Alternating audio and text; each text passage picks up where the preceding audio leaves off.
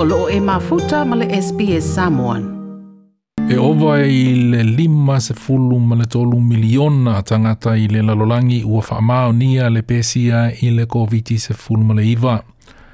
O le neifu i numera o loo iei le whaamoe moe o le asi i tia pea i lunga o na o le malosi o le pepesi o le wha i, i le atinu o Amerika, e le ngata i Amerika i mātū ai o saute, ato ai ma le kontinento Europa, Asia ma Afrika. Ai o fea ngai le lololangi ma le pepesi o le COVID-19 se fulmale iwa, ua au maia ma se lapata inga mai malo au faatasi i le ofisa o malo au faatasi o lo ngafa ma mata upu i le soifua malo loina le World Health Organization. I le tūlanga la matia o nisi wa tunu na tangata i se faa maitele o le misela. E pe ona si la fia e le ipepe si le koviti se fuluma le iwa i amatanga o le tausanga nei. Na pe sia sa moa i le misela ma maali li wainisi ai mai se le whanau la iti i tausanga taluai. Na whaalia i wha maumaunga le World Health Organization, na mōli mawina se si i tanga le au whai o tangata na maali li umai le misela i le tausanga na te enei. I le ova i le lua se la wafe tangata na maali li wai i le lalolangi ai o le popolenga ua iei nei. Ona o tau mawhainga e fō ia le COVID-19 se fulmana iwa, ua whaatua tua nai, ma le whai ai le te leonisi o polkalame masani, o tui pui puia po immunization, po vac- uh, vaccinations, mō le misela. O le whaamai misela, o se whaamai e vave ona pepesi, ma e mawhai ona le lea i le ea le vairusi ini mata ua ni ni i, e ma whai ona i wai i le ni mōnia le tā waso a tō ai mania a whianga o whaafita uli le whai ai. E o mai le māsina le nei, ua whaatusa e le WHO i le iwa se fulma le whā miliona tangata ua le whaia tui pui pui ai le lorolangi mō le misela ona o pui pui ngā o le pepesi o le covid se fulma le iwa. O le tamā e tai o Natasha Crowcroft, Ole Senior Technical Advisor Measles and Rubella i the World Health Organization. It's a perfect storm for more measles outbreaks. Right now, we're not seeing a lot of measles, and that's because travel's reduced. But we're also uh, we've also we're also not looking as hard as we, we do normally because the laboratories that would be doing measles testing have all switched over to doing the COVID work. Um, so we're also not sure what's going on everywhere.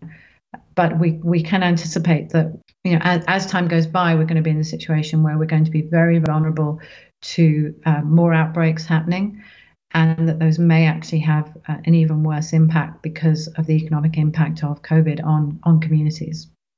Natasha Crowcroft, le senior technical advisor measles and rubella, ile fala putuputonga le World Health Organization na i Natasha Crowcroft e au pita sili atu whanau laiti i atu māu lalo tiva le tūlanga i le tamau ainga ona o le māte o le whanau. The, the situation where um, measles has the really the worst impact is in those low income places where children might also have malnutrition, they might have vitamin A deficiency, um, and um, that's much more likely to lead to severe measles and to death. Natasha Crowcroft.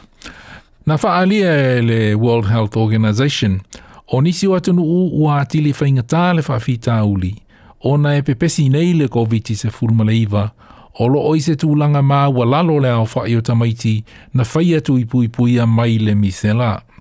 E iei le masalonga, o le tūlanga fo i lea na iei, Samoa, a le i pepesi le misela i le tausanga na te enei, o le mā ua lalo o le ao fai o tamaitina fai atu i pui pui a. I le tau sanga e lua afe se ful male valu na mōli mawinai le pepesi o le misela inisi o atu o Europa. Ai le tau sanga nei, na mōni mawina ia le pepesi o le misela i atunu o Afrika e pe o le Democratic Republic of Congo ma Madagascar. Na faalia e Dr. Oleksi Rikov o le Pediatric Department i le Ukraine e owa i leto a se fulu ma le lua afe tangata na pesia i le misela i lona atunu ui le tausanga nei, a e o pepesi le COVID se fulu le iwa. Na whautua i na Dr. Rickhoff, i uh, le whai o tui pui puia, mō isi wha i pepesi e pei o le misela, ona e iei le avanoa, e mai atu ona fō ia le COVID se fulu le iwa, a e sa so o mai, ma le pepesi o se isi wha mai tele o le misela i le lalolangi. Vaccination during the pandemic cannot be stopped and doesn't need to be suspended during the pandemic. The pandemic doesn't influence in any way on vaccination of children and adults. Moreover, today we see that suspension or drop of vaccination levels because of the pandemic have caused the situation when we may have outbreak of other infectious diseases, not only coronavirus.